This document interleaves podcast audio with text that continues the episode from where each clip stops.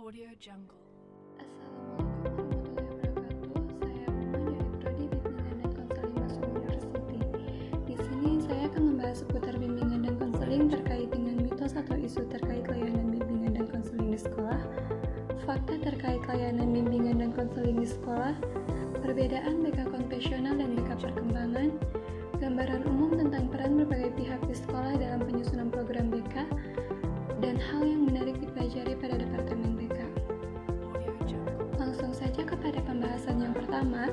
yaitu mitos atau isu terkait layanan bimbingan dan konseling di sekolah, yaitu seperti banyak anggapan yang ditujukan terhadap BK di sekolah.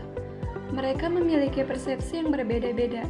Ada yang mengungkapkan BK adalah tempat menyelesaikan masalah dan tempat pemberian hukuman.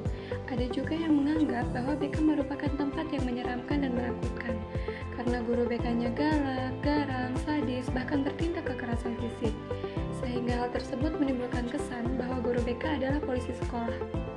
Kemudian, BK ini disamakan saja dengan atau dipisahkan sama sekali dari pendidikan. Ada dua pendapat yang berbeda kaitannya dengan pelaksanaan BK di sekolah. Pendapat yang pertama yaitu bahwa BK sama saja dengan pendidikan. Jadi dengan sendirinya sudah termasuk ke dalam usaha sekolah yang menyelenggarakan pendidikan. Sekolah tidak perlu bersusah payah menyelenggarakan BK secara mantap dan mandiri. Pendapat itu cenderung mengutamakan pengajaran dan mengabaikan aspek-aspek lain dari pendidikan, dan sama sekali tidak melihat pentingnya BK. Sedangkan pendapat yang kedua, yaitu BK harus benar-benar dilaksanakan secara khusus oleh tenaga ahli dengan perlengkapan yang benar-benar memenuhi syarat. Pelayanan ini harus nyata dibedakan dari praktek pendidikan sehari-hari.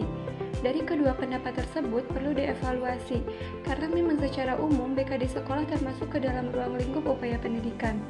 Namun bukan berarti pengajaran yang baik saja yang dapat memenuhi seluruh misi pendidikan di sekolah.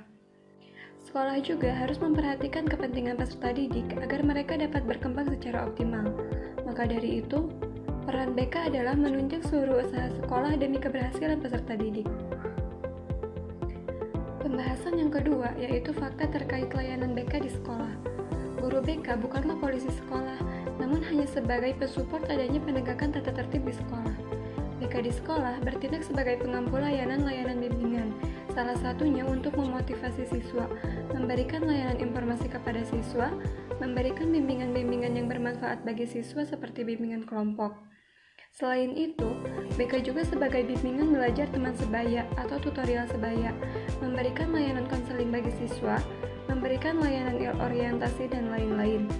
Juga sebagai dukungan sistem yang mana guru BK harus memiliki aktualisasi yang bagus dalam bidangnya.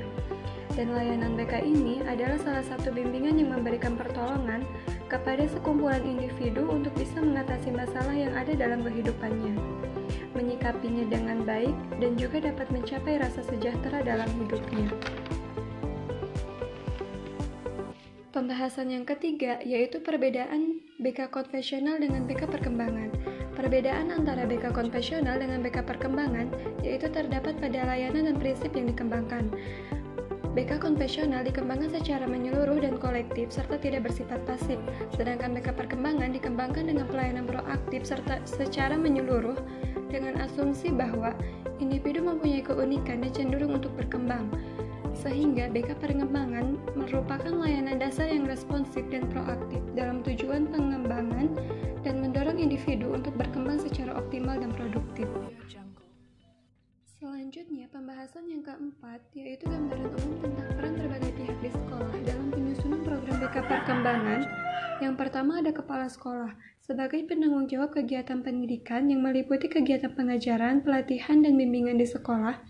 Bertugas sebagai menyediakan dan melengkapi sarana dan prasarana yang diperlukan dalam kegiatan BK, memberikan kemudahan bagi pelak- terlaksananya kegiatan BK dan lain-lain. Kedua, wakil kepala sekolah membantu kepala sekolah dalam hal mengkoordinasikan pelaksanaan layanan BK kepada semua personel sekolah, melaksanakan kebijakan pimpinan sekolah terutama dalam pelaksanaan layanan BK. Ketiga, koordinator guru pembimbing atau guru BK bertugas untuk mengkoordinasikan para guru pembimbing dalam memasyarakatkan pelayanan bimbingan, menyusun program, melaksanakan program, mengadministrasikan bimbingan, menilai program, dan mengadakan tindak lanjut. Keempat, guru BK bertugas untuk memasyarakatkan kegiatan bimbingan, merencanakan program bimbingan, melaksanakan persiapan kegiatan bimbingan, dan menilai proses dan hasil kegiatan layanan bimbingan. Kelima, staf administrasi bertugas untuk membantu guru BK dalam mengadministrasikan seluruh kegiatan BK, membantu mempersiapkan seluruh kegiatan BK, dan membantu menyiapkan sarana yang diperlukan dalam layanan BK. Keenam, guru mata pelajaran sebagai personil mempunyai tugas yang penting dalam aktivitas bimbingan. Di antaranya, membantu memasyarakatkan, memasyarakatkan layanan bimbingan kepada siswa, melakukan kerjasama dengan guru pembimbing dalam mengidentifikasi siswa yang memerlukan bimbingan, dan ikut serta dalam program layanan BK. Ketujuh, wali kelas bertugas untuk membantu guru pembimbing melaksanakan layanan yang menjadi tanggung jawabnya, memberikan informasi tentang siswa di kelasnya untuk memperoleh layanan bimbingan dari guru pembimbing dan ikut serta dalam konferensi kasus.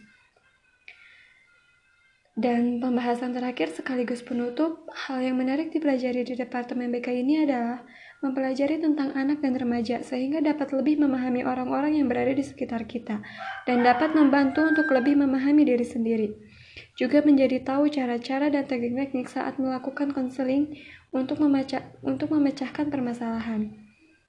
Cukup sekian pembahasan dari saya. Wassalamualaikum warahmatullahi wabarakatuh.